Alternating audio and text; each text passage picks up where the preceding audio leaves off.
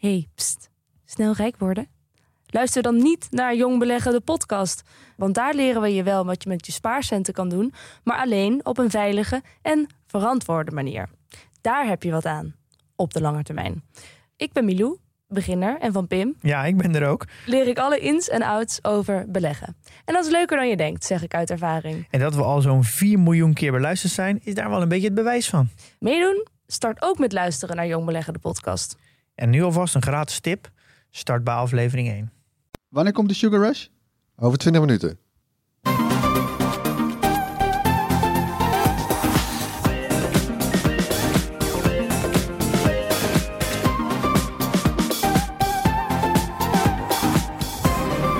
Welkom bij de Bright Podcast van donderdag 30 januari. Mooi dat jullie weer luisteren. Ook mooi dat wij hier met z'n allen weer aan deze tafel zitten. We zitten in de Bright Podcast Studio op het Mediapark en we praten hierbij over de trending topics in tech. Ik ben Harm en aangeschoven zijn Erwin, hey, Floris Yo. en natuurlijk ook Tony. Hoi. Ja, en eh, eh, je zei Sugar Rush, want we hebben donuts, want Floris is jarig. Hey, ik heb geen voorgeprogrammeerde toeter, maar we doen het met de jingle. Ja, eh, los van eh Floris verjaardag eh, is er nog meer feest, want het kwartaalcijferseizoen is losgebarsten. Daarmee krijgen we eigenlijk altijd antwoord op de vraag hoe staan de techbedrijven ervoor? Hoe hebben de feestdagen uitgepakt? Want dat zijn natuurlijk de belangrijkste maanden van het jaar. We gaan ze niet allemaal langs. We hebben even een selectie gemaakt. We pikken de meest opvallende eruit. Erwin, Ja, als ik mag beginnen, dan zoom ik graag in op Apple. Dat heeft beter gepresteerd dan verwacht. Eh, sterker nog, het heeft een all-time record omzet en winst geboekt in het afgelopen kwartaal van respectievelijk eh, afgerond 92 miljard dollar en 22 miljard dollar winst. Eh, en dat is een stijging van 10, een kleine 10%, 9% eh, ten opzichte van vorig jaar. wat een bedragen hè? Ja, dit, ja, Het is er altijd iedere keer, iedere keer weer bij die kwartaalcijfers. Dan lees je die cijfers en denk je, ja, ja, dus, eh, ja leuk. Ik denk Dat voor is sommigen- een gigantische. Volgens mij met voor hoeveel landen is dit eigenlijk gewoon een bruto nationaal product? precies. Maar hoe, ik snap niet hoe beursanalisten nog een baan hebben. Want je hebt gewoon beursanalisten en die zeggen nu al vijf jaar op rij. Ja, nee. Maar nu is Apple echt de Sjaak. Nu, eh, nu zakt het een keer in. Nou ja, nou, Mensen zijn die iPhone niet. beu. Eh, Kijk, vergis je niet. De, hè, de omzet uit iPhone-verkoop, eh, nog steeds 60% van het totale, Ja. niet misselijk. En eh, wat zich vertaalt naar een eh, slordige eh, 56 miljard dollar. Eh, dat is wel afgelopen keer dus eh, eh, 8% gestegen eh, ten opzichte eh, van... eh, Even kijken, vanaf het vorig jaar dus. eh, Ja. Sorry, ja. Eh, en dat is wel een opsteker voor Apple, want eh, afgelopen jaar was er nog de, de omzetwaarschuwing eh, van Tim Cook. Eh, we hebben ook verschillende kwartalen gezien van daling voor, eh, voor, de, voor de iPhone. Ja. Dus ja, die iPhone 11's die doen het echt eh, uitzonderlijk goed. Ja. En zelfs in China, hè, waar natuurlijk eh, afgelopen half jaar ook het sentiment een beetje leek om te slaan. Of in ieder geval het chauvinisme het voortouw nam. En, en, en Apple daar een beetje de dupe van werd. Maar ja, goed. met het huurwij debakel. eh Ja, maar het, Ja, die- het klopt wel wat je zegt, Floris. Eh, bij die presentatie van die iPhone 11 was niet meteen een Hosanna-stemming. nee. Nou ja, goed, uit de eerste testen, ook bij ons, hè, bleek wel weer toch dat het eh, weer eh, hele goede camera's eh, zitten erin. Ja, Het was een betere update dan de XS, denk ik. denk het ook. Ja. Ja, en de grap is dat ze, Apple heeft gezegd dat dus die eh, 11 modellen, dus de iPhone 11, 11 Pro en 11 Pro Max, die waren in alle markten eh, de best verkochte iPhones. Ja, ja. Ja, de, enkel, ja. Ja. Of, de enkelvoudige toestellen. Ja. Op merk is, is het natuurlijk vaak nog Samsung. Maar, Ja. Eh, klopt. Eh, Macs en iPads da daalden trouwens eh, licht. Maar nou ja, dus die, die iPhone, hè, die, die, die doet het weer ouderwets goed, kun je zeggen. Mhm. En de verwachtingen voor de rest van dit jaar, die zijn ook heel gunstig. Ja. Want één, er is een nieuwe iPhone onderweg. Als in ook die er een beetje nieuw uitziet. Hè, want afgelopen drie keer was het eigenlijk hetzelfde form factor, hetzelfde ontwerp met die notch. Die gaat verdwijnen enzovoort. En twee, eh daar gaat toch eh, zeer waarschijnlijk ook wel ondersteuning voor 5G in komen. Dan hebben we het over de iPhone 12 in het najaar. Mhm. Eh, niet die verwachte update van de iPhone SE, die, die goedkopere iPad dit voorjaar. Nee, het gaat dan over de, de hoofdrolspelers, de nieuwe, echte nieuwe iPhone 12. Ja. Want dat samen, nieuwe vormfactor, 5G, ja, dat gaat voor een hoop mensen echt wel een reden zijn om eh, te upgraden en, en, zijn, en hun oude toestel in te ruilen. Mhm. En dat noemen ze dan in dit soort eh, eh, kringen een super cycle. Lekker woord. Hè, dus Supercycle. nieuwe vormfactor en 5G, dat zijn echt drivers voor upgrades. Ja. Dan, ehm, eh, eh, Apple weet natuurlijk ook wel dat eh, inmiddels dat mensen langer doen met hun smartphone. En, en zet dus ook meer in op die diensten en accessoires. Nou, dat hebben we allemaal meegemaakt afgelopen jaar. Ja, airpodjes. Ja, nou ja, met de diensten zagen we Ja. natuurlijk ook de komst van eh, Apple Arcade Plus, van eh, Apple TV Plus, eh, Nieuws Plus, dat hebben we hier niet. Maar goed, allemaal nieuwe abonnementen. En inderdaad, ja, de monsterhit van het afgelopen feestmaandenkwartaal, eh, de AirPods. Natuurlijk met de toevoeging ook van de AirPods Pro. Ja. Het, die dingen waren niet aan te slepen. Ehm recordcijfers wel bij die domeinen trouwens, hè, maar van eh, met name van diensten was wel echt meer verwacht. Ja. Eh, dat viel toch wel wat tegen eigenlijk. Eh, en daar kun je denk ik een beetje uit afleiden dat Apple TV Plus nou, en wel een pittige start achter de rug heeft. Ja. En ja, we hebben het hier natuurlijk ook vaak genoeg over gehad. Die eerste series, die paar series, die launch series waren echt niet slecht. Maar ja, daarna eh, wordt het opvallend stil. Eh, er, is geen, er is niks nieuws. En de strijd, de concurrentiestrijd met Netflix en eh, andere mede-nieuwkomer Disney Plus. Ja, het was gewoon heftig. Dus Ja. ze hebben daar niet heel goed geboerd. Ehm, Nee, want anders had dat wel meer gegroeid hoor, dat dienstenaandeel in de omzet. Dat was toch een hebben ze nou iets gezegd toename. Ja, nee, inderdaad. Maar hebben, hebben ze iets gezegd over hoeveel mensen Apple TV Plus nee, gebruiken? niet- nee, ze zoomen niet. ze zeggen daar niks over de afzonderlijke abonnementen. Nee. Het enige wat ze wel zeggen ehm, is dat ze toch over het hele jaar, dit jaar 2020, een verdubbeling verwachten van de omzet ten opzichte uit, uit diensten, uit abonnementen, Ja. ten opzichte van vorig jaar. Hè, en ze hadden dus, eh, ze hadden afhankelijk bijvoorbeeld hadden ze een target voor eh, van 500 miljoen abonnees eh, voor 2020. Overal, over alle, alle diensten die ze aanbieden. Ja, correct. Ja. En, maar ja, dat, dat tikte ze ongeveer eind vorig jaar al aan, eind 2019. Dus Mhm. dat hebben ze nu verhoogd naar 600 miljoen. Eh, maar goed, en dat, eh, het komt hier ook vaak voorbij. eh, Tony kan, eh, zit erop te wachten. Ik denk dat ze er heel slim aan doen om abonnementen ook te gaan bundelen. Ja, ja. Want dan wordt het toch wel een, eh, een heel aantrekkelijk pakket waarschijnlijk. En tellen ze bij die groei ook al de eh, gratis Apple TV Plus abonnementen die je krijgt bij eh, aanschaf van een nieuwe iPhone? Ik vermoed van wel. Ja, dat gezegd. denk ik ook. Ja. Ja, ik vraag me ook af hoe dat zit inderdaad. En dat is, het, dat is natuurlijk wel... Want dan heb je, hè, als je een iPhone koopt, heb je het eerste, in het eerste Ja. jaar, een heel jaar gratis Apple TV Plus. Maar goed, Ja, een iPhone gaat vijf jaar mee, hè? Ja, maar dat klinkt als wauw, wat een enorme belofte, wat een enorme groei. Maar op die manier lukt het ze natuurlijk waarschijnlijk Dat ook nog wel. Hè? En, dat, en, en eh, de valkuil is natuurlijk, wat, er gebeur, wat gebeurt er dan als dat eerste gratis jaar voorbij is? Blijven mensen dan hangen? Of zeggen ze, ja, zoek het uit. Ik ga voor die... eh, voor Ja, die- en blijft, blijft Apple dan zo'n zo'n gratis jaar weggeven met nieuwe eh, producten. Dus stel Ja. ze komen met een nieuwe Apple TV op de markt, krijg je daar dan ook weer een jaar bij. Dus kan ik zeg maar mijn eh, eh, eh, Apple TV abonnement eh, steeds verlengen door gewoon maar Apple klant te blijven. Wat natuurlijk wel Ja, slim is. En Dus- ook nog trouwens, die 600 miljoen, een, een nieuwe target, dat zijn natuurlijk af, afzonderlijke abonnementen bij elkaar opgeteld. Dus Ja. als jij en een iCloud abonnementje hebt en Apple Arcade bijvoorbeeld, Mhm. en dan tel jij twee keer mee. Oh, echt? Ja. Oh, Ja, dus dan tel ik, ah. eh, Ja, ja, maar, nee, maar ga maar na. Ik bedoel, eh, Apple's installed base, zoals dat heet, Ja. eh, gewoon mensen die Apple producten gebruiken, Ja. Dat is afgelopen jaar gegroeid, of afgelopen kwartaal gegroeid, naar meer dan anderhalf miljard mensen wereldwijd. ja, ja. Nou, wil je daar 600 miljoen abonnees op halen? Dat zou de helft zijn. ja, maar dat, is niet... lijkt me pittig. Dus ik, hè, ik, ik, dat, daarmee durf ik wel te zeggen, denk ik, dat ze elk afzonderlijk abonnement dus tellen in die 600 miljoen. Ja, precies, ja. Ja. Tenzij ze bundels aan gaan bieden. Dan weet ik niet Ja. hoe ze het dan gaan berekenen, maar dat zien we dan wel weer. Ik hoop het wel een keer, toch? We hebben het een jaar geleden al over gehad. Ja, maar wanneer luisteren ze naar eens, Tony? Ze luisteren gewoon niet genoeg naar ons. Maar even die installed base. Misschien moet je even in het wel, Engels eh, eh, vertellen, eh, Tony. Maar die, die installed base vind ik wel een, puntje. Dus die installed base. We hebben nu eh, anderhalf miljard mensen wereldwijd die, die een, een Apple product gebruiken. En daarmee staat Apple eigenlijk voor het eerst nu een soort van op gelijke voet met eh, de installed base van Windows. Die ook rond de anderhalf miljard zit. Ja, historisch Dit is eigenlijk. wel een momentje eigenlijk. Een andere mijlpaal gaat over de eh, verkochte aantallen telefoons. Apple geeft eigenlijk eh, al een tijdje niet meer, meer dan een jaar ondertussen, niet meer aan hoeveel iPhones hij verkoopt, maar komen met een bedrag van zoveel eh, miljoen dollar heeft dat opgeleverd. Gelukkig zijn er wel marktonderzoekers die met dit soort schattingen naar buiten komen. En wat blijkt, Tony? Ja, toch heel opvallend. Eh, Apple heeft eh, Samsung het afgelopen kwartaal ingehaald en is nu de grootste smartphone-fabrikant ter wereld. En dat is echt een gigantische verrassing. Ja, Want over heel 2019 zit er echt een enorme kloof nog, nog tussen Samsung en, eh, en Apple.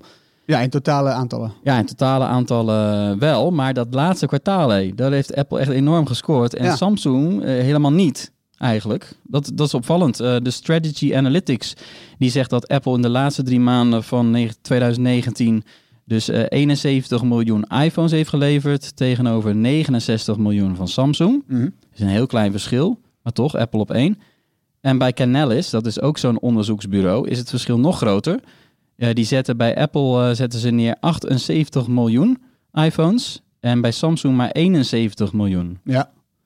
Toestellen. Ja, ja, ja. Ja, een groter verschil. Ja, en dat is echt verbazingwekkend.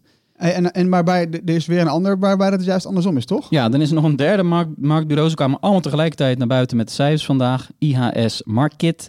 En die zet Samsung nog wel net op één. Mhm. Met een kleine afstand eh, voor Apple. Eh, maar twee andere grote bureaus dus niet. En Ja. dat is eigenlijk best wel eh, opmerkelijk. En, hoe zit het dan met, met Huawei? Want daar hebben we het natuurlijk ook vaak over. Ja, Huawei zakt een beetje weg. Eh, doen het misschien in China nog wel redelijk, maar daarbuiten niet. Dus die blijven steken ongeveer op 56 miljoen smartphones. Ja. Eh, ik heb het een jaar geleden of zo was nog het verhaal Huawei komt eraan. Misschien stoten Ja. ze Samsung wel eh, van de troon. Ja. Misschien kan je je nog herinneren, Floris, dat dat werd geroepen. Ja. ja, maar dat is steeds zo. Samsung is ook al jarenlang eigenlijk de grootste. En ze zeiden van de enige, de enige concurrentie van Samsung die er nu nog voor dat plekje is, is Huawei.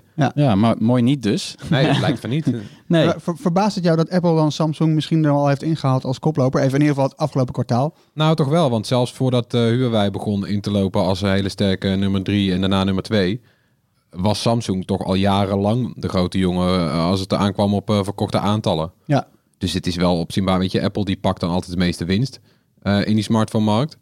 Maar het is toch wel opvallend dat ze nu dus ook nog eens een keertje de, de meeste aantallen hebben. Dat wil toch iets zeggen over de strategie van eh, Samsung, denk ik, ten opzichte van die van Apple. En want Samsung begon 2019, of 2000, Ja. ja, ja 2019 2019. echt eh, fantastisch. Ja. En ook voor de goede orde in algemeen, weet je, in, in totale aantallen over 2019 gezien, is Samsung nog steeds de grootste. ja, ja. Ja, er zit zelfs is heel 100 opvallend. miljoen, eh, Ja. 100 miljoen smartphones verschil tussen Apple Maar en is- Samsung ja. over het hele jaar.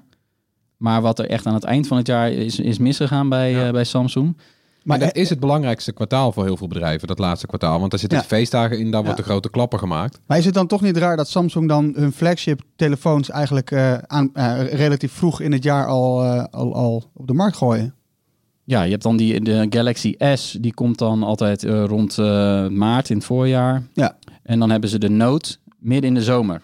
Ja. Elke keer. Ja, augustus. eh, En als je nu deze cijfers ziet, dan kan die Note eh 10 nooit een succes zijn geweest. Maar zou, zou, zou Samsung er slim aan doen om dat dan gewoon allemaal maar tegelijkertijd te doen? De Note en de S gewoon allemaal in, eh, in augustus, september op de markt, eh, of in ieder geval dan te lanceren? denk het niet. Ik denk dat zij, zij, weet je, ze willen gewoon ook in het najaar concurrentie voor Apple hebben. Dat is volgens mij jarenlang goed gegaan met die nootlijn. Maar er Ja. is nu toch iets gebeurd. Ja, en zij moeten dan wel augustus kiezen, want in september komt Apple. En dan is het gewoon vanaf het moment dat die iPhones eind september in de verkoop gaan, is gewoon drie maanden lang scoren voor Apple. Ja, zie er dan nog maar eens tussen te komen. Nou, wat jij ook al zei, eh, het gaat over aantallen. En ze hebben wel natuurlijk goed gedaan met de wat goedkopere toestellen, de A-lijn. Ja. Eh, dat is toch wel opvallend dan, dat, dat het zelfs daarmee eh, een beetje is ingezakt. Ja, want aantallen is dus Apple heeft ook zelf al gezegd, we hebben de meeste, weet je, de best verkochte toestellen zijn die eh, zijn gewoon de nieuwste iPhones. Nou, dat zijn gewoon dure toestellen. Dus Apple heeft gewoon heel veel hele dure toestellen verkocht. Ja, god. Maar goed, ja, nee, maar daarom staan ze ook al. eh, we, we hebben nu drie bedrijven die boven de. eh eh wat is het ook weer? 1 miljoen, miljard, triljoen dan, hè? T- Ja. Die meer dan een Ja. triljoen waard zijn, of in ieder geval eh, ge- eh, waard zijn geweest, of nog steeds zijn. Ja. Naast Apple is dat dan eh, Google en eh, Microsoft. Mhm. Toch? Even zeg ik. Ja, dat is juist. Ja. Dat is natuurlijk de vraag wanneer Facebook komt. En gaat Facebook daar komen? Tony, jij weet er meer over. Ja, bij de Facebook-cijfers geen eh, records. Nee. Eh, Wel eh, waren er ook positieve dingen, want Facebook groeit weer. Ze hebben natuurlijk een enorme dip gehad na alle privacy-schandalen. Met name was dat in 2018. Mhm. Maar de groei zit er nu weer goed in. Eh 2,5 miljard maandelijkse gebruikers. 2,5 miljard. Ja. Dus gewoon 8% meer dan vorig jaar. En ook Europa groeit het weer goed. Ook in Nederland. Dat staat dan niet in de kwartaalcijfers. Maar er kwam wel een onderzoek over naar buiten toevallig deze week. Mhm. Dat ook in Nederland 2% meer gebruikers van Facebook. En wat, wat bedoel je dan trouwens hier met Facebook? Is dat eh, alleen de Facebook-app of site? Of zijn dat al hun apps? Of...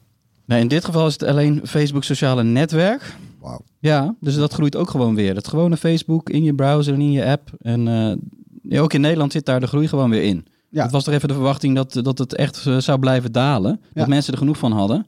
Mensen waren boos en zeiden op en ik eh, kom er nooit meer. Nou, die zijn allemaal weer teruggekomen. Ja. Jongeren trekken weg. Ja, die zijn ook gewoon nog allemaal aanwezig. Alle dus dat gaat tantes op zich goed. op. En eh, ze verkopen natuurlijk, eh, of ze hebben natuurlijk ook die andere apps. Dus in totaal kom je dan op 2,9 miljard gebruikers. Facebook, WhatsApp en Instagram. Wat een. Ongelooflijk. En Messenger. En heb je ook nog Insta, Facebook Messenger inderdaad. Dus dat was ook een stijging van 9%. Dus dat gaat op zich goed. Ja. Eh, de omzet eh, ging ook eh, ja, op zich redelijk. 25% eh, gestegen. 16,9 miljard dollar. Mm. Komt natuurlijk vooral uit eh, advertenties. Hè? Bijna alleen maar advertenties. Ja. Ehm, maar ja, die kosten, dat is echt een heikel punt aan het worden bij, eh, bij Facebook. ja, dat domineert nu wel echt alle headlines. Ja, hè? Iedereen dus die heeft het wel over. Facebook is van deze periode toch eigenlijk een van de, de verliezers aan het worden. Mhm. Want ze hebben veel meer kosten gemaakt. Gewoon 12 miljard eh, aan kosten. Vergeleken met eh, vorig jaar dan 9 miljard. Vorig kwartaal dan, hè? Ja. En dat komt door belastinguitgaven. En dat is ook wel opvallend, want we hebben natuurlijk vaak over grote techbedrijven gehad. En ze betalen geen belasting. Ze hebben allerlei trucjes om er onderuit te komen. Ja. Maar ja, Facebook moet gewoon ook een enorm bedrag ophoesten. Ja, maar dat is, dat is natuurlijk wel, zeg maar, ze hebben al die inkomsten uit al die verschillende landen. Eh, en dan betalen ze dus 12,1 miljard afgelopen kwartaal aan belasting in de VS. Maar ja, Ja. ze verdienen hier in Nederland geld. Dus misschien moet, toch? Dat, dat is een beetje de discussie die Precies. gaande is. Nou ja. Ja, maar het is wel eentje die natuurlijk zorgen baart, want dat wordt alleen maar meer. Mhm. En eh, ook hebben ze veel meer personeelskosten. Enorm veel meer mensen aangenomen om alles maar te moderaten. Ja. De Amerikaanse verkiezingen komen er bijvoorbeeld weer aan en dat, dat, dat moet gewoon goed gaan dit keer. ja, dat heeft Met- Zuckerberg ook echt heel duidelijk gezegd. Hè? Ja. In, de, in de toelichting op die kwartaalcijfers zegt hij dat, dat nou, hij, ja, de- hij noemt het niet een lakmoesproef of iets dergelijks. Maar hij gebruikt wel stevige woorden om te zeggen dat dit een heel belangrijk moment is voor Facebook om te Ja, kijken of ik het mag beter gaat. godverdomme hopen. Jezus, we zijn zo nat gegaan de afgelopen keer. Ja. Ja, lekker, Ja. lekker eh, marketing speak dit. Nee, Ja, dat is een heel belangrijk moment voor ons. Hij blijft het Want als je dit niet door, goed doorkomt, Ja. Ja, ja. dan ga je gewoon de bak in, denk ik hoor. ik Ja. heb wel de indruk dat het de betere kant op gaat. En zeker vergeleken met TikTok, qua moderatie gaat het bij, eh, bij Facebook doet ze in ieder geval zijn best. Ja, want Facebook heeft inmiddels Ja, 30 Facebook doet zijn 30.000 best. man. Nou, ja, eh, maar TikTok doet helemaal niks. Nee, ja. Waar, Dus- waar, waar zullen ze het voor de, voorbeeld vandaan hebben, denk je? Mhm. Ja, je moet eerst groeien. Groeien doe je gewoon. In, weet je, als je geen eh, tegenspraak krijgt, dan kun je Want groeien. Facebook is pas gaan manoeuvreren en, en in het defensieve... Toen ze onder, onder schot kwamen, toen de, toen de, toen de loop op, op Facebook Ja. werd gericht. Ja. Daarvoor hebben ze geen moment, maar ook maar enige zorg aan Ik, ik geloof ook niet dat die cultuur binnen Facebook veranderd is. Ze doen Nee, het gewoon omdat, er men, omdat men oplet. En zodra de aandacht verslapt, eh, eh, gaat Facebook hier weer eh, eh, kosten besparen. Ja, maar ze geven het ontzettend veel dat geld eraan uit. En nu krijgen ze als straf eh, daalt de aandelen. ja, nou, Ja. terecht. Ja, de aandelenkoers, want de kosten zijn gestegen. Ja, maar ja, dit, dit, zoveel kost het kennelijk dus om een sociaal netwerk van dit formaat een beetje gezellig te houden. Ja. Ja, weet je, zo be it. Eh, lul niet en betaal gewoon het geld, want dan gaan die beleggers weer lopen Dat zijn ze nu dus aan het doen. Precies. Ja, en dat- dan, ja, dan je, krijgen ze de, de klappen van de beleggers. Die Ja, kosten die- veel geld. Ja, die Het is beleggers ook wel moeten- trouwens een beetje het, het, via, nou ja, een beetje- een beetje een fiasco ook voor AI in dit geval, toch? Want Zeker. dit soort Ja. grote clubs, YouTube, Facebook, Mhm. Twitter, die, die hebben dat eigenlijk nodig. Anders, ga, anders stort de scalability in elkaar Ja. van hun product of dienst. We hebben het natuurlijk ook over YouTube ook wel eens gehad. En je ziet ook bij oppassen. Facebook nu, ja, Ja. het werkt toch onvoldoende. Moeten ze inderdaad batterijen en blikken vol aan, eh, aan medewerkers inschakelen. Ja. Die allemaal zo'n NDA tekenen, waarin ze ongeveer al erkennen dat ze post-traumatic stress eh, krijgen. Ja, Dat Ja, was maar- bij YouTube, hè, geloof ik. Maar dat bij YouTube. Ja. Ja. maar Maar, even- bij Facebook hoorde- zal het ook zo zijn. Ik vind het super interessant, deze discussie. Maar komt het ook niet een beetje kijken? we- Zeg maar, eh, twintig jaar geleden hadden we geen sociale netwerken. Toen waren er in één keer sociale netwerken. Dit is toch ook iets wat, waar je gaandeweg achter moet komen, hoe dingen werken. Je kunt, hier kun je, met sommige dingen kun je toch niet altijd rekening houden? Eh, nee, maar eh, kijk, de, de, de, de houding van Facebook vind ik echt wel eh, kwalijk. Bedoel, die, die, die verzetten echt geen stap totdat er een, eh een subpoena op de, op, de, op, de, hè, op de mat ligt. Ja. Echt Ja. hoor. Dat ga, die, die gaan niet vanuit zichzelf denken van... oh, oh ja, laten we ook als het even kan tussendoor de wereld verbeteren. Fuck dat. Nee, echt niet. dat, die, wat, wat, wat Floris terecht zegt, die cultuur is daar bij dat bedrijf daar echt niet naar. Het is gewoon eh zij tegen de rest van de wereld en eh, gewoon groeien, groeien, groeien, groeien, groeien, groeien, groeien. En eh, oh ja, nou we zien wel wat, eh, wat de collateral damage is gaandeweg. Ja, ze, groeien dus nog, ze groeien dus nog wel, maar eh, qua gebruik. Maar die kosten die lopen echt ook de spuigaten uit. En er nog één, even heel kort. Ja. Eén kostenpost, die dook ook op in de kwartaalcijfers. Namelijk, eh, ze moesten 550 miljoen dollar betalen in een rechtszaak waarvan we nog niks wisten in de staat Illinois. In eh, Amerika eh, is er een rechtszaak tegen Facebook aangespannen rond eh, gezichtsherkenning. Ja. En dat is zo'n class action suit. Dus daar, mogen gewone mensen ook aan meedoen. Ja, alle gebruikers die hebben zich gebundeld en gezegd, nou, pay up. En dat is trouwens een gezichtsherkenningstechnologie die in Europa niet ingezet wordt door Facebook. Hè? Ja, want wat, wat, wat was het ook alweer?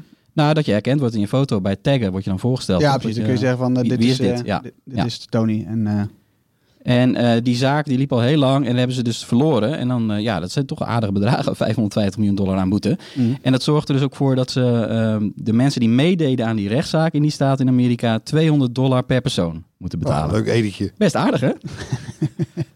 Hey, zullen we even doorgaan naar eh, het volgende grote bedrijf, Microsoft, Floris? Ja, dat ging best wel goed. Dat was een sterk kwartaal. Eh, de omzet die is in het laatste kwartaal van 2019 eh, was die eh 14% hoger dan verwacht. Ja. Uh, 36,9 miljard dollar. Mhm.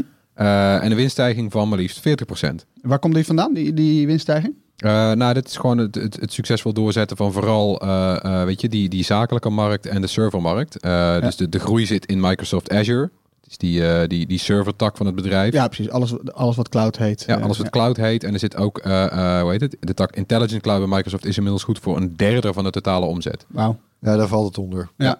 Ja, en Intelligent Cloud is dan bijvoorbeeld van, weet ik veel, ik heb een site die parkeer ik bij Microsoft en dan zorgen zij dat die site niet uit de lucht valt Mhm. met een intelligent systeem. We kennen Microsoft natuurlijk vooral van, eh, van de computers. Hoe, hoe zit het daarmee? Ja, dus eh, personal computing, de PC die je thuis hebt staan, daar, nou ja, er zit een heel klein beetje groei in 2%. Eh, maar daar moet Microsoft er lang niet meer van hebben. Dat weten ze ook. Daarom zijn ze gaan kijken, vooral in die zakelijke markt. Grote pakketten Windows aan bedrijven verkopen. En dat is goed voor een groei van 17%. Hm. Dus eh, weet je, de, daar, daar zit die groei, Ja, die- bedrijven en serverdiensten. Die Azure, want eh, de, van Amazon, AWS is natuurlijk eh, nu- nummer één in deze cloudmarkt wereldwijd. ja. Maar Azure staat toch een hele goede nummer twee hoor. Want Google bijvoorbeeld, die staat echt op afstand op plek drie. Ja. Ze, ze doen het er echt ontzettend goed. Er was wel eh, discutabel, of tenminste, nou ja, waarschijnlijk niet. Maar eh, er was een, een, een, een, grote orde. Die heeft voor dat grote succes ook van Azure gezorgd afgelopen kwartaal. Van het Amerikaanse ministerie van Defensie. Oh ja. Ja, Maar die wordt wel aangevochten door Amazon. ja, ja dat, de aanbesteding was niet Ja. helemaal in de ja, haak. en of en welke, welke rol heeft eh, Trump daarbij gespeeld met zijn ruzie Ja. met Bezos? Dat speelde Ja. een rol. hem. Ja, nou ja, dus dat, ja. Dus dan krijg je misschien nog een staartje, maar... Zeg je nou Azure? Eh, zei ik dat? Ja, Microsoft noemt het zelf Azure, toch? Nou ja, Azure, Azure. Ik vind het wel een grappige naam, Azure. Ja. Nou, als je het op zijn Frans leest. Azure. Ja. Ja. Ik lees het op Ah. zijn Frans. Ja, Azure. heel gedistingeerd. hey, over Tony, eh, Tesla hebben we natuurlijk ook voorbij zien komen. Ik zei ook Musical.ly, hè? Ja, klopt. Ja. Ja. ik kan me nog herinneren. Dat was ook leuk. Ik kreeg ook veel commentaar op, ja. Musical.ly. Ja. Ja. Dus Tesla, zei jij. Ja, Ja. Tesla zei ik, ja. Ja, Tesla heeft echt weer eh, een mooi kwartaal achter de rug. Voor de tweede keer op rij winst gemaakt. En ja, 2019 was de grote ommekeer voor het bedrijf. Eindelijk eh, goede cijfers. Ja. Fantastisch, toch? Ja. Ja, duurde lang, hè? het heeft te lang geduurd. Maar nu verwacht Tesla eigenlijk in de hele toekomst winstgevend eh, te blijven, werd er gezegd. Ja. En daardoor hebben ze ook gewoon zelf genoeg geld om te investeren. Ze hoeven niet meer eh, te gaan lenen. Dus het ziet er echt goed uit bij Tesla. Een van de dingen die nu echt op, goed op gang komt, is de productie van die Model 3. Maar Ja. dit jaar is het eigenlijk het grote jaar van de Model I. Ja. De kleine SUV. Of is het de Model Y? Ja, ja, precies. Daar ga je. dat zei ik ook al. En eh, kijk, ze hebben een nieuwe fabriek in eh, Shanghai. Ja. Nou, die gaat heel goed qua productie met de Model 3. En in Amerika starten ze nu binnenkort al met de Model Y dan. Ja. En eh, ja, dat gaat uiteindelijk ervoor zorgen dat Tesla meer dan een half eh, miljoen auto's gaat afleveren. En dat halen ze makkelijk waarschijnlijk. Nou, Ja, die Model. Y wordt ook weer eh, die wordt aantrekkelijk hoor, die Model Y. Want het is een soort kruising tussen die eh, Model X, die grote SUV, Nou ja, ja, en de. Model 3. Wat, wat de X is ten opzichte van de Model S. Dus de Model S maar dan met een hoger dak. Ja, Hè, dat is de Y ten opzichte van de Model 3. Dus dat Ja. is de Model 3 met een hoger dak. Ja, met een beetje De opgetrokken. Ja, SUV-versie. je Ja, past precies, met ja. opgetrokken benen, pas je er met zeven man in. Dus dat is hartstikke leuk aan zijn auto. En het is, maar hij, ja, echt waar. Zit, de, weet je, er zit zo'n eh, zo'n zo'n tweede achterbank in. oh ja, ja. ja. En eh, nou ja, weet je, het is gewoon een, een compacte SUV die denk ik vooral ook in Europa aanslaat. Want hier is zo'n X, is hier toch wel echt het grote segment. Ja, Mhm. Dat, daar houden wij meestal niet zo van in een Europa. busje bijna. Ja, dat is echt wel een joekel. En ook, Ik vind hem wel vet trouwens, als ik heel eerlijk ben. Ja, Maar, Maar die Model Y is precies, eh, weet je wel, in de roos. Je ziet er heel veel van die SUV's in dat segment rondrijden. Eh, nou, weet je, ik denk dat het ook wel weer een succes gaat worden. En de, eh, productie, de productie van die Model Y gaat gewoon al eerder starten dan verwacht. Dat heb je bij Tesla ook niet vaak gehoord. En de, het bereik wordt zelfs ook nog iets groter dan ze eerder hadden gezegd. Dus dat is echt gewoon positief nieuws. Eh, trouwens, wat las ik in die cijfers? Ze hebben ook gewoon een miljard omzet uit eh, dingen die te maken hebben die geen auto's zijn, zeg maar. Dus Ja. ze verkopen ook thuisaccu's waarmee je auto kan opladen. Ze verkopen zonnepanelen, zonnedakpannen. Ja, dat gaat eigenlijk niet, niet eens zo heel slecht. Nou ja, als 1 miljard van die 7,4 miljard. Ik vind het netjes hoor. Eh, wel wat problemen rond de Berlijnse Gigafactory, een van de vier grote Tesla-fabrieken. Ja. Milieuactivisten staan op hun achterste poten daar. Die proberen allerlei dingen te blokkeren. Het gaat dan over vervuiling, watergebruik. Eh, dat moeten ze nog wel even gaan oplossen. Ze hebben wel een hele hoop bommen in de omgeving die daar nog lagen ontmanteld. Het is niet zo, niet zo makkelijk om in, eh, in Duitsland een eh, fabriek te openen. In Berlijn. Misschien hadden ze hem beter in Noord-Groningen neer kunnen zetten, waar ook sprake van was. Maar helaas. Ja, dus de, en de, de Cybertruck dan tot slot. Hè, daar hebben we het eerder in deze podcast uitgebreid over gehad. Ach, lelijke ding. Daar heeft Musk eigenlijk niet zo heel veel over gezegd nog. De productie gaat in ieder geval dit jaar nog niet, eh, niet op gang komen. Nou, ja, ik vind het niet heel erg. Nee. Voor mij heeft hij de weg niet op. Maar wij kijken daar wel erg naar uit, Harm. Hij wel hoor, Harm. Ja, het hoorspel. We laten elke week een tech-geluid horen. Eh, meteen even naar het geluid van vorige week.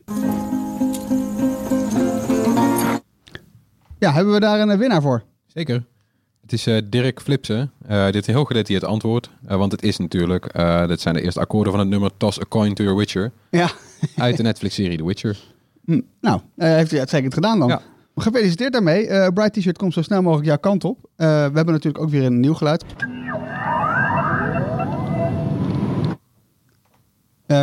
Zie ik hier vragende gezichten? Nog één keer. Nou, als je denkt dat je weet wat het is, stuur dan je antwoord naar podcast.bright.nl, het bekende mailadres. Onder de mensen die het juiste antwoord insturen, verloten we natuurlijk weer zo'n gewild Bright T-shirt. Tijd voor het korte nieuws. Eh, we beginnen even met het coronavirus. Eh, dat, eh, dat brak in China uit en is natuurlijk dagelijks in het nieuws. Dat merken ook de techreuzen op eigenlijk verschillende manieren. Apple bijvoorbeeld. Zij houden er rekening mee dat dit gevolgen kan hebben op hoeveel ze verkopen. Omdat er ja, veel wordt geproduceerd in China. Daar kwamen ze ook in de kwartaalcijfers, hadden ze daarover. Maar er duiken ook steeds vaker nepberichten over het virus op op internet. YouTube en Twitter bijvoorbeeld en Facebook, die hebben er allemaal last van. Maar specifiek YouTube en Twitter, die gaan hun best doen om dat te bestrijden. Bijvoorbeeld door video's van betrouwbare bronnen hoger te zetten in de zoekresultaat. Of bijvoorbeeld eh, ja, gerichte informatie te laten zien als mensen zoeken naar berichten of video's over het virus. Ja, dat, eh, dat, eh, dat vind ik prettig. Eh, want ik, eh, wat was het nou ook alweer? Als je wat dronk, was het nou gemberthee? Nee, was het een van de goedje. Ja, Oregano-olie geloof Oh, ik. ja, Oregano. Oregano. Ja, ja hallo, koekoek. de wildste verhalen hè? Ja. Tuurlijk. En uh, gewoon lekker doorsturen ook naar al je vrienden. Ja hoor, hartstikke bedankt. Eh, nee, ja, en ook weer belangrijk. Mobile World Congress, de Ja. grootste telefoonbeurs eind februari, die gaat wel gewoon door, heeft de organisatie gezegd. Er worden wel maatregelen genomen, maar eh, ze houden zich aan alle geadviseerde veiligheidsmaatregelen. Maar goed, er zijn natuurlijk relatief veel Chinezen op die beurs. Ja. Eh, met, eh, met Huawei, Oppo, eh, Xiaomi, OnePlus. Maar nee, die gaat gewoon door. Niet aanwezig op MWC. Eh, Apple, ja, daar hebben we het over. Zij zouden een eigen koptelefoon willen uitbrengen naast de oordoppen die we kennen. Dat voorspelt Apple-waarzegger Ming-Chi Kuo. Ehm, daarnaast komen er mogelijk AirTags, dat zijn de draadloze trekkers. En let op, toch nog een oplaadpunt. Ja, Wat? maar dan met minder coils eh, toch waarschijnlijk. Mm. Maar Ja, want dat was... ja, het eh, zat ze blijkbaar toch niet lekker dat ze dat hebben moeten schrappen. Leg, leg dat nog even uit, eh oplaadmat. Hoe zat het ook alweer? Nou, deze, ze hebben toen eh, de AirPow aangekondigd. Een, een oplaadmat. Eh, en op zich, toch, een oplaadmat is niet zo bijzonder. Maar Apple wil het dan zo doen dat, dat het niet uitmaakt waar je hem neerlegt. Hè? Want dat ken je wel bijvoorbeeld van je IKEA-lamp, die, waar ook een oplader in zit. Die moet je wel precies op het kruisje leggen, anders dan Ah, ja, ja. slaat hij niet aan hè, met opladen. Nou, dat wilden zij voorkomen door gewoon zo'n matje helemaal vol te proppen met coils. Maar ja, dat wordt natuurlijk allemaal gloeiend heet. En dat, dat kwamen ze gewoon natuurkundig eigenlijk niet uit. En toen hebben ze dat pro- product geschrapt. Eh, was wat een redelijke zeldzaamheid is ja, dat trouwens. gebeurde echt nooit. Hè? ja, en toen was er dat, dat Nederlandse, eh, die Nederlandse eh, jongens die toen wel zo'n zo'n matje op de markt hebben gezet. Ja, maar ja, ook weer met beduidend minder coils Ja. erin. Eh, maar goed, dat, dat gaan ze nu zeer waarschijnlijk ook eh, volgens Quo ook zelf doen. De Europese Commissie had een ontzettend drukke week op het gebied van technologie. Eh, na het Europees Parlement wil de Europese Commissie namelijk ook fabrikanten verplichten eh, telefoons te leveren met die universele oplader. Hebben we het natuurlijk al wel vaker over gehad. Ja, eh, Apple is als enige grote fabrikant fel tegenstander van het plan. Ze hebben nu natuurlijk ook, net als veel andere fabrikanten, wel ontzettend veel geld met dat soort draadjes, opladers en andere producten. Ehm, en dan een ander ding. eh, Brussel wil ook één grote markt maken voor eh, data gericht op Europese bedrijven. En dat moet dan weer een einde maken aan de macht die techreuzen zoals Google, Facebook en Amazon hebben dankzij de data die zij verzamelen. Ja, en de EU die ziet ook af van het plan om eh, gezichtsherkenning op straat vijf jaar te gaan verbieden. Dus weet je al, camera's die met kunstmatige intelligentie meteen herkennen, oh daar loopt Harm, daar loopt Erwin. Want dat verbod wilden ze eigenlijk afkondigen eh, om te onderzoeken wat zijn de gevaren van die gezichtsherkenning. Weet je wel, wat, wat gebeurt er dan? Ga je automatisch mensen criminaliseren die eh, bijvoorbeeld een bepaalde huidskleur hebben? Dat zijn allemaal eh, afwegingen die je moet maken. Ja. Nou, dat verbod gaat er nu toch niet komen. Maar ze willen wel meteen wat regels instellen voor risicosectoren zoals de gezondheidszorg en transport. Ja, en dan nog meer uit Europa. Er zijn uh, voorwaarden opgesteld waaraan leveranciers uh, moeten voldoen bij de aanleg van 5G-netwerken. Daar hebben we natuurlijk ook al vaak over gehad. Uh, de Europese Commissie kwam met een zogeheten toolbox. ja, die moet ervoor zorgen dat de veiligheidsrisico's rond 5G worden afgedekt. en dat gaat natuurlijk dan weer over Huawei. Ja. De grote speler bij de aanleg van 5G-netwerken. En de, expliciet wordt het niet verboden, het gebruik van Huawei, door de Europese Commissie. Nee. Dus dat is op zich goed nieuws. Dus Huawei was ook uh, ja, blij met de EU in dit geval. Ja, ze noemen het... Ja. Engeland, uh, Engeland die was nog een klein stapje verder gegaan. Hè? Die, had, uh, die gaan gewoon in zee met Huawei, zolang het maar niet de core ja. van het netwerk betreft. Ja, en... Ik denk dat dat trouwens de oplossing gaat worden hoor, voor Europa. Ja, dat is natuurlijk wat we in Nederland wat ook... is de core? Ja, dus zullen we dat even uitleggen? Ja, zich, dat weet Harm, hè? De, ja, nou ja, ik, ik weet het niet allemaal. Ik, ik spreek wel eens mensen die mij dat heel goed kunnen uitleggen. En dan leen ik die uitspraken van ze. Nee, uh, de experts zeggen een beetje... Uh, je hebt dus een, uh, een kern van het netwerk... Um, en de rand van het netwerk. En de rand van het netwerk, dat zijn eigenlijk een beetje de zendmasten die je ziet...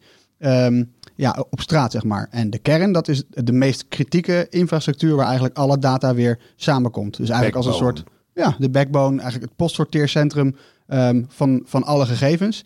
En dan, zeg maar, als dat het postsorteercentrum is, dan zijn de brievenbussen, de zendmasten zijn zeg maar de brievenbussen. Ja. Zo moet je het een beetje zien. En dat kritieke deel, die kern, ja, die willen uh, overheden het liefst uh, um, goed beschermen.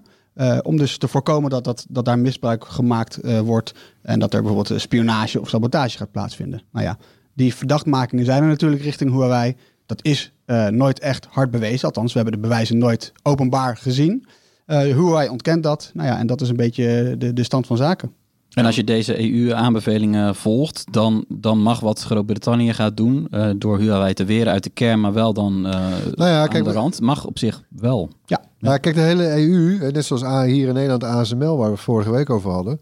Dus wij zijn als EU de speelbal tussen Amerika en China geworden.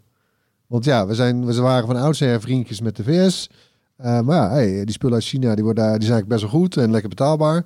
Uh, oh, ja, ja, maar dat wil de VS dan weer niet. En shit, maar, ja, we zaten echt even in een Maar dit klinkt toch als een goed compromis? en toch is Amerika ja. er weer niet blij mee. Ja, het lijkt mij ook een goed compromis. Ja, want... ja en wij willen mee blijven doen. Want anders dan hebben we straks geen 5G-netwerk in Europa. Omdat uh, de VS er zo nodig op staat dat we helemaal niks van Huawei gebruiken. Ja. Nederland staat nu ook al vol met antennes van Huawei. Ja, de, Die de, doen de, prima. de Amerikaanse, of sorry, de Engelse oplossing, uh, daar wordt gezegd, uh, één speler mag niet meer dan uh, 35% van die markt tussen haakjes in handen hebben. Nou, voor Europa wordt nu gezegd, de lidstaten mogen zelf een inschatting maken. Die moeten een inschatting maken uh, of leveranciers zeg maar, betrouwbaar zijn of niet. En op basis daarvan mogen alle lidstaten zelf beslissen, gaan we ze nou ja, uit, uitsluiten of gaan we ze toch laten meebouwen. Maar daarbij geldt wel weer, uh, en wie zijn die andere partijen dan? Zijn dat toch... Uh, Nokia en Ericsson. Nokia en Ericsson. Nokia, Ericsson. ZTE zou in theorie ook kunnen. Ja. En er zijn er nog wel wat andere. Ja, Samsung, ZTE is ook Chinees. Dus. Ja, ja. Samsung heeft ook nog wat technologie. Uh, maar de belangrijkste zijn eigenlijk wel en, Nokia Ericsson. En, want inderdaad, uh, Harm, jij, jij zit op, de, op dit dossier voor RTL Z. Is er nou nog binnen Europa of binnen de EU beter gezegd, of de commissie of het parlement, maar zijn er nog geluiden geweest van mensen, dit is zo cruciaal, zo belangrijk. Hè? Weet je, met dezelfde beredenering waarop ze Galileo zijn gestart voor een eigen satellietnetwerk. Mm. En meer onafhankelijkheid van Europa op dit technologisch vlak. Dit is ook zo essentieel en cruciaal. Uh, ook voor de wereldhandel, uh, of Mm. voor, voor de handel van Europa met de rest van de wereld. eh, deze communicatie.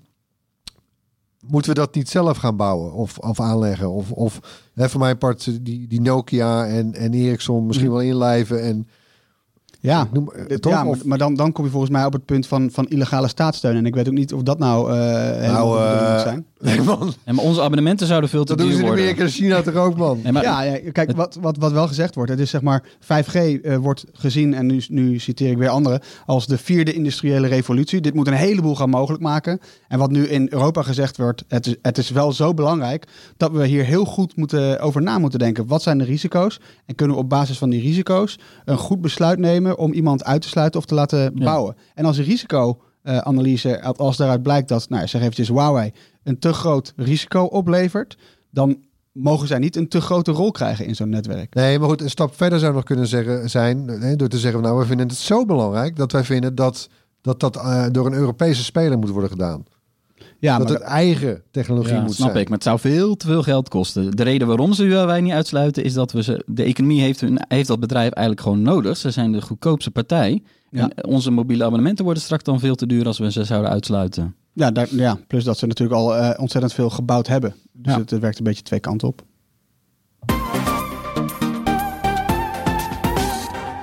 Dyson introduceerde deze week zijn nieuwste lamp, de Light Cycle Morph. Eh, het is de tweede lamp van Dyson na de Light Cycle. Eh, Floris, jij was bij die presentatie in Barcelona. Wat is het verschil tussen die eerste lamp en dan dit, dit, ja, deze Light Cycle Morph? Ja, want even voor de duidelijkheid, we kennen Duitsland natuurlijk vooral van de kruimeldieven en de, Mhm. hè, de, de, de ventilatoren zonder vleugels Ja. en, eh, en zakloze stofzuigers. Ja. Maar ja, Ja. lampen. Ja, die, die stofzuigers worden dus gemaakt door James Dyson eh, en zijn zoon Jake. Jake Dyson die is dus gefascineerd door licht. Eh, hij kwam vorig jaar met de Light Cycle en het was een vrij, eh, weet je wel, simpel ogende lamp. eh, eh, met, een- met een boeiende functie, namelijk eh, eh, heel precies kan hij eh, de lichttemperatuur op basis van de tijd en de plek op de wereld eh, matchen met het licht buiten. Dus het Ja, licht dat uit die lamp komt, is eh, eh, precies hetzelfde als het licht waar jij bent. Dus niet eh, random of het licht zoals dat schijnt in Parijs, maar echt het licht van de plek op de wereld waar jij bent. Hollands licht. Ja, Hollands licht, maar ook echt bijvoorbeeld als je in Hilversum zit, is het Hilversums licht van dat moment. Eh, dus, dus als het zeg maar bij mij thuis regent, dan zal het licht daar donkerder zijn. nee, het, gaat om de, het gaat om het licht wat... oh, de eh, lichtsterkte. Nee, de, de- de- zeg maar, de- ze hebben een miljoen metingen gedaan om erachter te komen hoe is dat licht op allemaal plekken in de wereld. Oh ja. Eh, en het gaat dan om metingen van het licht dat de atmosfeer binnenkomt. Want daar wordt zeg maar de, de temperatuur en de golflengte van het licht bepaald. De hoek en de samenstelling van de atmosfeer. Fascinerend dit. Ja, en het gaat dus om een meting boven de wolken. Dus eh, nou ja, dat, dat is het, het type licht wat invloed op ons heeft. We hebben allemaal interne systemen die een soort van geëikt zijn door onze evolutie op, op dat licht. En wij handelen dus eh, eh, naar dat buitenlicht. En we raken een beetje in de war van de leg van eh, al het kunstmatige licht waar we mee te maken hebben. En dit is dus licht wat kunstmatig is, maar wat probeert om hetzelfde te bereiken als het buitenlicht. Slaagt ze erin? Nou, ze vinden, dat vinden Moeten ze we zelf gaan wel testen, natuurlijk. Dat moeten we gaan testen. Ja. Heel lang Dat, dat is een beetje de insteek. En die nieuwe lamp, uh, want daar komen we daarbij uit, dat is een lamp die je op vier manieren kan gebruiken. Want die light cycle van vorig jaar, dat was echt een bureaulamp. Ja. Uh, hartstikke leuk, maar dan daar had je alleen wat aan als je aan je bureau zat. Nou, wel een opvarte, opvallend ontwerp hoor, want we hebben hem hier staan. En we moeten toch Ja. even voor de luisteraar uitle- uitleggen hoe dat ding eruit ziet, toch? Nou, ja, dat, want die heb ik toen gereviewd ook. Eh, hij ziet er een beetje uit als een, hijs, als een soort speelgoedhijskraan. Een hele Ja. grote speelgoedhijskraan. Dus hij heeft een, hè, hij heeft een staande as, een liggende as. En dat is ook, de ar, hè, dat is ook het armatuur. Ja. Maar alles is open. Dus de, de wieltjes waar langs eh, die dwarsarm eh, eh, die schuift, Ja. ja. die zie je. Die zie je, die zie je zitten. Ja, we moeten even, zullen we even een foto van, van beide, beide Ja. apparaten in ieder geval even in, het, in de. nou, ik was toch wel heel goed bezig, vond ik, aan Ja, de nee, nee, beschrijving. absoluut. hoor. Op YouTube gewoon zoeken, Light Cycle. Als het goed is, Dank kom je je wel, de zeg. video Nee, nee, ja, uitstekend. Ah, nee, maar goed. Eh, nee, joh, ge- geintje. Maar de, de grap was ook van die lamp is dat die eh, hè, eh, LED, LED-lampen, weten we, die gaan vele malen langer mee dan gloeilampen. Ja. Oké. Maar deze eh, lamp, die, die Light Cycle, en dat wordt ook weer toegepast in die nieuwe, de Morph, Light Cycle Morph, eh, die gaan dus wel een heel leven mee. En eh, dat doen ze bij die, bij die Light Cycle op een hele ingenieuze manier, want in de arm zit een koperen buis verwerkt. Ja. En daar zit een, en daar zit een druppel water in. Ja, eh, Floris Ja, vertelde nee, dit op ja. de redactie. Ik zeg, Oh. waar heb je het over, joh? Lamp, eh, Ja, water? nee, ja, nee, maar daarom man. Het is gewoon helemaal, helemaal ik, I'm geeking out aan dit staf. en, eh, En, want je zou denken, en, en, en wat, wat, doen ze, wat doen ze er nou mee? Want aan de, die buis, eh, die zit natuurlijk ook aan de kant waar, eh, waar het ledlampje zit. Ja. En daar eh, verhit die druppelwater. En die verdampt eigenlijk. En dan zou je denken, ja, maar hè, wacht eens even, led, dat is, toch, eh, dat is toch gewoon koud, dat wordt niet warm. Mhm. Eh, nee, het wordt niet zo warm als een gloeilamp. Maar het, er is nog steeds wel verhitting. En die verhitting die zorgt ervan ervoor dat dat druppeltje verdampt. Aan de andere kant van die buis, daarom is die ook zo lang, dat helpt. Hij heeft geen last van die Daar sugar dip. condenseert die druppel weer, want daar is het heel koel. En dat, Ja. dat draagt, erbij, draagt ertoe bij dat de eh, lamp, dat ledlampje, niet heel, eh, veel minder verhit. Want verhitting is slijtage en dus gaat die lamp op die manier veel en veel langer mee. Ik Ja. vind het ver gaan. We hebben het over een lamp, jongens. Nee, maar hij gaat en langer mee. Eh ze beloven Tot 60, 500 60 euro, jaar. Nee, maar hij gaat dus 60 jaar mee. Eh, en hij blijft gedurende die tijd. En hij is energiezuiniger, omdat hij dus koeler blijft. En hij is, eh, omdat hij niet slijt, blijft hij die 60 jaar ook hetzelfde.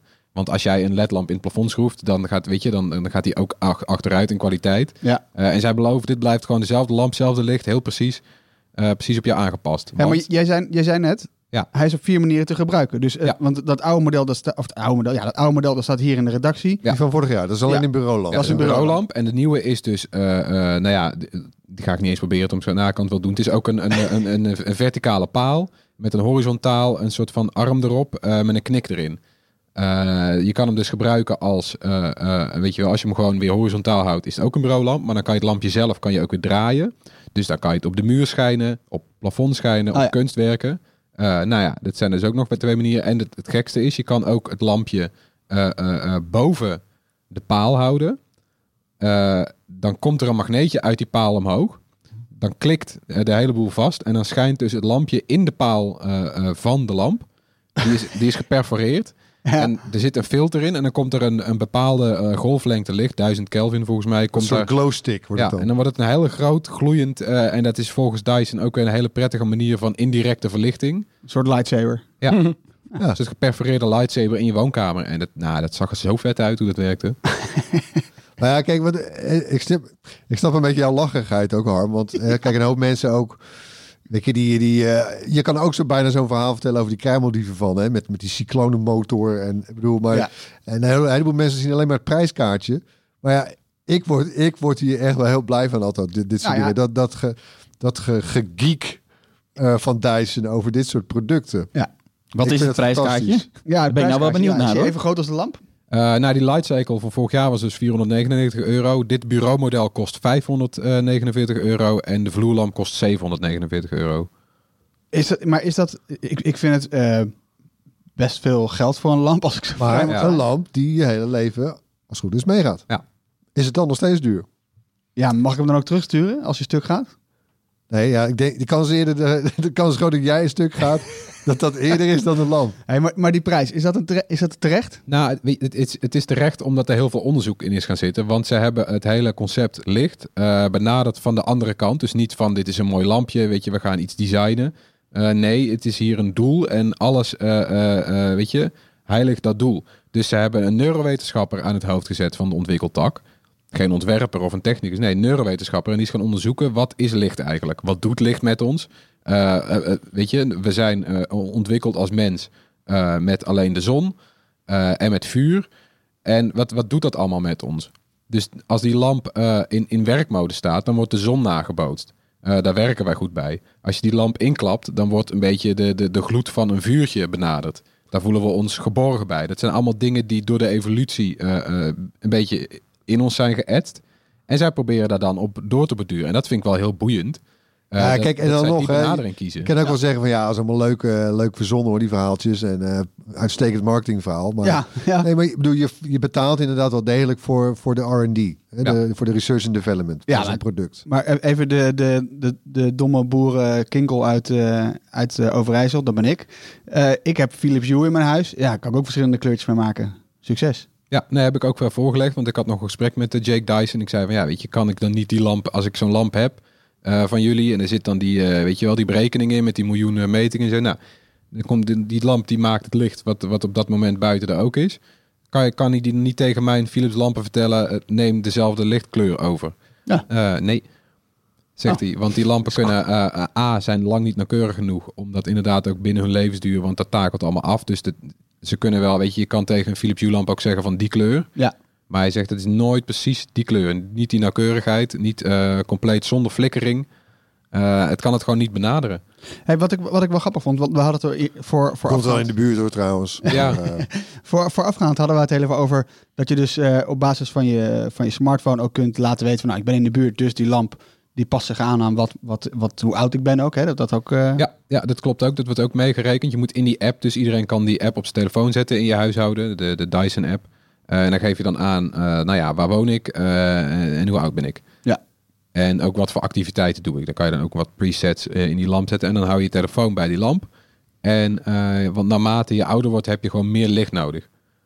Eh, als, je, als je 60 bent, heb je dubbel zoveel lichtsterkte nodig eh, in het donker dan wanneer je 20 bent. Ja, Hé, maar is het dan, want daarmee, eh, je hebt het over, we hebben het over lampen.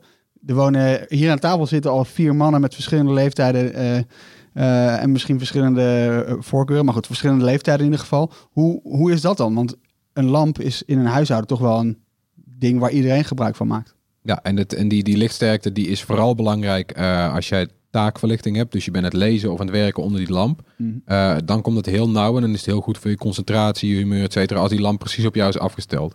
Als je als sfeerverlichting gebruikt, dan komt dat weer minder nauw en het is ook terug te ja, zien. want het, wat je zegt zich klopt niet helemaal. Het hangt er vanaf. Kijk, ja, een plafonnière boven de eettafel, ja, die is voor iedereen. Ja, Maar eh, eh, bij, Ja, bureau- maar zo'n staande bij bureautjes zie je, hebben mensen wel degelijk hun eigen lamp ook vaak. Hè? Ja, Dus er is ook wel degelijk, er zijn individuele lampen in een huishouden. Ja, en deze lamp zou je dan op meer manieren gebruiken. Dus je hebt als sfeerverlichting staan, staat die op standje eh, iedereen.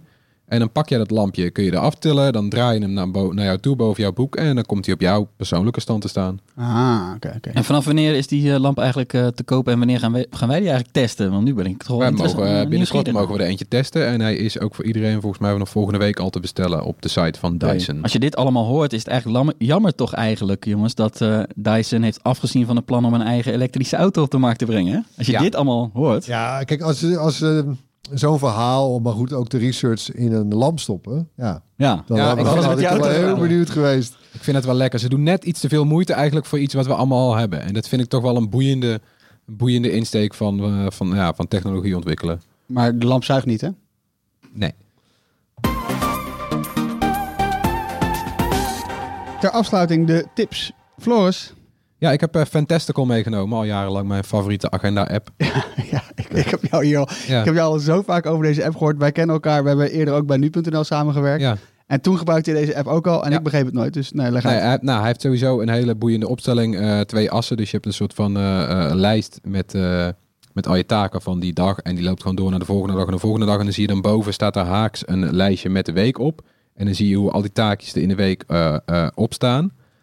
En ze hebben nu de hele boel vernieuwd. Dus het eh, uiterlijk is wat opgefrist. En de boeiendste functie van de desktopversie, die zit nou overal op. Dat zijn locatiegevoelige agenda sets. Dus ik heb een heleboel agendas, weet je wel, van werk, van persoonlijk. Eh, ik, ook de gedeelde agenda met mijn vriendin, Mhm. zodat ik weet wanneer zij dingen te doen heeft. Maar die wil ik niet altijd tegelijk in beeld hebben, want dan is het te veel aan de hand. Dan raak ik het overzicht kwijt. Dus ik heb bijvoorbeeld als ik op werk binnenkom, schakelt die automatisch Ja. Op basis van de locatie naar mijn eh, werklijstje. En daar staan alleen maar vergaderingen en geplande blokken, nou ja, activiteiten in die ik wil doen. En verder zie ik niks. En als ik wegga, dan zie ik weer andere dingen die op dat eh, moment en op die locatie boeiend zijn. Dat is een betaalde app, toch? Nou, je kan hem gratis gebruiken. Heel veel functies zijn gratis. Maar als je bijvoorbeeld meerdere agendasets wil, eh, meer aanpasbaarheid in, in je overzichten, dan moet je wel betalen. En dat kost afhankelijk van of je voor een jaar of een maand afsluit. Kost dat, eh, weet je, 3,67 per maand als je voor een jaar afsluit. Of 5,49 per maand als je per maand wil betalen. Maar ik doe dat graag, want dan weet ik zeker dat die app blijft bestaan. Nou, nobel. Eh, ik ben het helemaal met je eens. Voor dit soort, als je zo fan bent van iets, dan mag je daar best wel wat voor betalen natuurlijk. Ja. Tony. Ja, ik ga even eh, een shout-out doen naar onze autotester Rutger Middendorp. Want die is die lekker bezig de laatste tijd. en hij ja. is naar Miami gevlogen. Wat een mooie baan, hè? Arme man. Om de, oh, ja, de eerste elektrische Mini te testen. Erg leuke video. Die hebben we gisteren online gezet. En eh, ik ja, even kijken, want eh, het is bijna Top Gear wat we aan het maken Ja. zijn. Dit is echt, eh, is echt een leuke video. En ook een aardig autootje, ondanks de kleine accu. Oké. Ehm, mijn tip, de Panic Podcast, de eerste aflevering. Die gaat over de totstandkoming van een favoriet van Floris, namelijk de Untitled Goose Game. Hoe, hoe, werd, die werk nou, of hoe werd die game nou gemaakt? Het geeft een leuk kijkje achter de schermen bij, nou, ja, wat misschien toch wel de grappigste game is van 2019, toch? En, eh, en, eh, noem eens wat. Wat kwam daar... eh, die, dat vind ik wel een goeie. Ja, ik heb er ook geluisterd wat ze dus bijvoorbeeld vertellen, want Panic is de uitgever van de game. Eh, nou, dus je komt er sowieso al achter hoe die elkaar hebben ontmoet, want die game is ooit gepresenteerd, Untitled Goose Game, als, eh, eh, weet je wel, ze waren compleet onafhankelijk. Ze hebben eh, de- de trailer laten zien en toen kwam ineens de hype. En toen heeft Panic gemaild, de enkele zin, zoek je nog een uitgever. Nou, weet je, zo begon het balletje te rollen en dan kom je erachter dat er allemaal, weet je, die Ze titel... hebben toch die hele tijd lopen leuren met dat idee voor, die, voor dat spel. En niemand hapte in eerste instantie. Nou, vol- volgens mij was het meteen al wel raak toen ze de eerste trailer hebben eh, gepost. Eh, en toen moesten ze ook ineens, want ze hebben onder die trailer dachten ze van, nou, daar doen we een piano muziekje onder, eh Debussy. Ze hadden onderzocht van, nou, dat, dit, dit, wat, wat werkt grappig met zo'n gans? Nou, de klassieke muziek, een beetje slapstick wordt het ervan. Ja, En niet toen- een klein beetje. Ja, en toen dacht iedereen, door de manier waarop ze het gemonteerd hadden, oh, dit is dynamische muziek. Dus als je iets doet, dan wordt de muziek wordt dan live eh, dynamisch eh, ingezet. Dus zij lazen het overal ze dachten, shit, we weten helemaal niet hoe dat werkt. Nu hebben ze hals over kop, hebben ze iemand al die muziek moeten laten inspelen op allemaal verschillende manieren in honderdduizend eh, bestanden opgeknipt en hebben ze voor die game een heel eigen systeem ontwikkeld. Waarin dan, weet je wel, eh, die, die gans die begint te rennen, dan gaat de muziek sneller. Dat hebben ze allemaal met de hand. Ja, moeten, ja, dat is hartstikke leuk. Nou, Nou, top podcast. luisteren, Moet je even luisteren. Ja, ik, eh, ik sluit graag af met nog een plug of een oproep, eigenlijk een verzoek. Ook aan alle luisteraars. Eh, we hebben momenteel een eh, enquête lopen bij Bright. waarin we, hè, we hebben de afgelopen tijd, zeker het afgelopen jaar, op YouTube bijvoorbeeld veel nieuw publiek mogen verwelkomen. En nou, die willen we graag even wat beter leren kennen. Hè, wat, eh, wat makes you tick. en, eh, want ja, dan kunnen wij daar misschien weer allemaal eh, leuke dingen voor bedenken. Dus eh, check even op bright.nl. Eh, ik kijk even naar Tony. Ik zal hem dit hele weekend eh, een beetje bovenaan zetten, inderdaad Ja, zetten. precies, Ja, we schrijven zoveel, het zakt dan naar beneden. Ja, dus omhoog halen, Tony. Eh, vul in die enquête. En Daar- als je meedoet trouwens, dan maak je ook nog kans op een, eh, op een airpop eh, sweater van Bright. oh ja, die, Dus, eh, ja, die, ja, dat is Ja, een mooi in trui. de mooie felblauwe kleur, de bright kleur. Ah, top. Kijk.